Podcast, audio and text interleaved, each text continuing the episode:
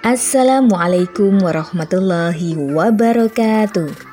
Bagaimana kabarnya sobat Narasi Pos?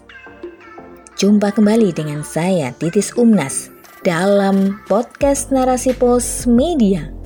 Narasipos.com, cerdas dalam literasi media, bijak menangkap peristiwa kunci.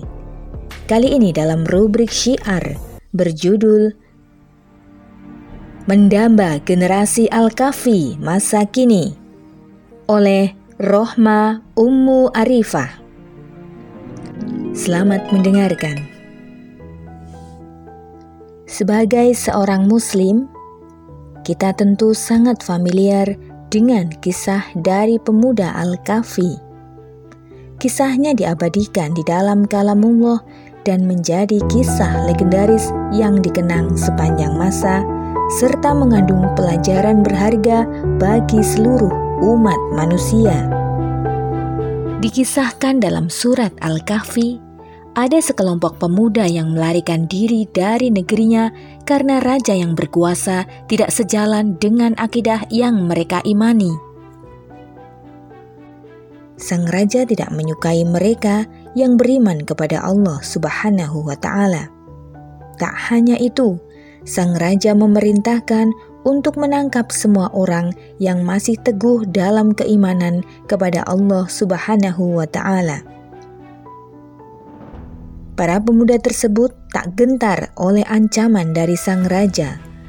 Mereka berusaha melarikan diri untuk menyelamatkan akidahnya. Al-Quran menyebut jumlah mereka sebanyak tiga, lima, atau tujuh orang ditambah dengan seekor anjing. Semua pemuda tersebut lari dari negeri dan bersembunyi di dalam sebuah gua dan tertidur selama beberapa saat. Kemudian terbangun dan merasakan lapar, lalu keluar dari gua untuk mencari makanan. Mereka mengira hanya tertidur selama beberapa waktu saja di siang hari. Ternyata Al-Quran menyebutkan bahwa mereka telah tertidur selama 309 tahun. Kisah ini memberi pelajaran bagaimana sosok pemuda yang berjuang untuk mempertahankan keyakinan dan keimanannya kepada Allah Azza wa Jalla sebagai pencipta alam semesta.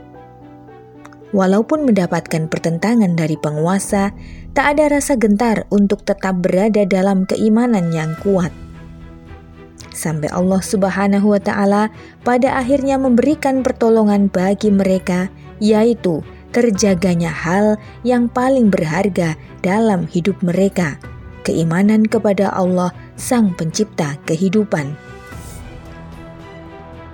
Inilah yang digambarkan Allah dalam surat Al-Kahfi ayat 13 yang berbunyi, Kami kisahkan kepadamu Muhammad cerita ini dengan benar Sesungguhnya mereka adalah pemuda-pemuda yang beriman kepada Tuhan mereka dan kami tambah pula untuk mereka petunjuk.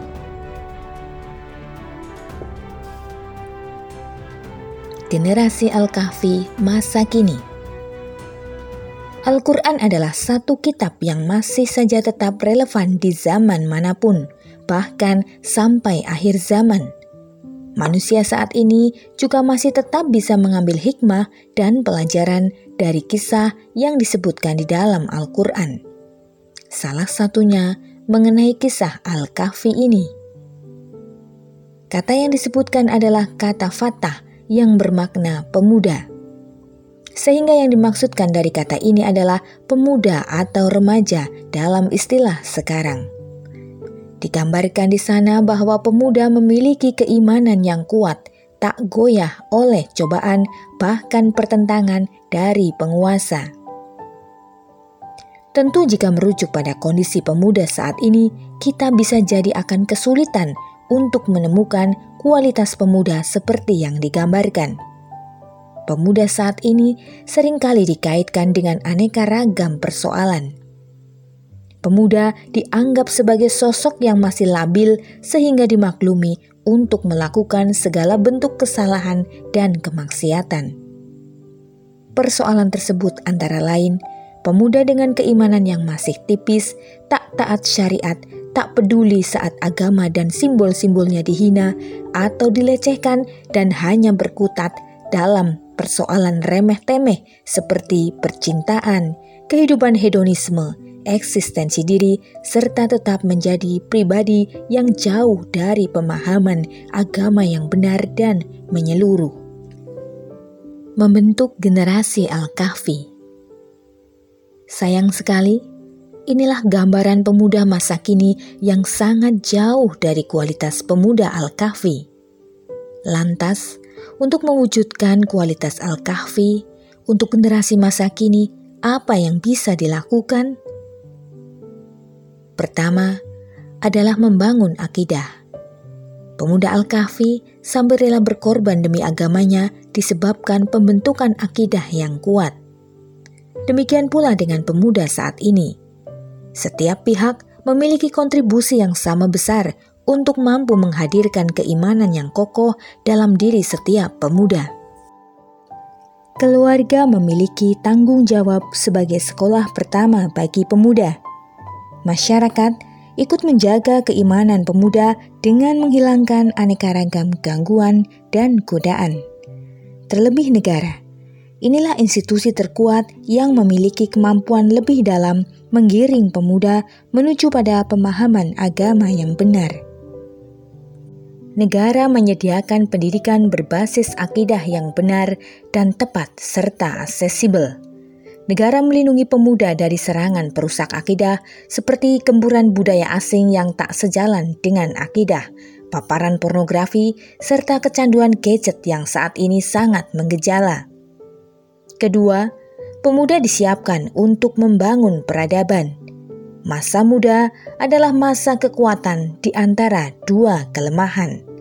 Sehingga di masa inilah pemuda bisa berdikari dan memberdayakan dirinya untuk agamanya. Sebagaimana hadis Nabi Shallallahu Alaihi Wasallam, sebaik-baiknya manusia adalah yang bermanfaat bagi manusia lainnya. Hadis riwayat Bukhari. Dua hal ini sangat berkaitan erat. Dengan kuatnya akidah yang dimiliki oleh pemuda Muslim, akan mendorongnya untuk memberikan sumbangsi dan kontribusi terbaik untuk Islam dan peradaban Islam itu sendiri. Dengan ini, harapan mewujudkan generasi Al-Kahfi bagi pemuda masa kini akan lebih mudah untuk terrealisasi. Insya Allah.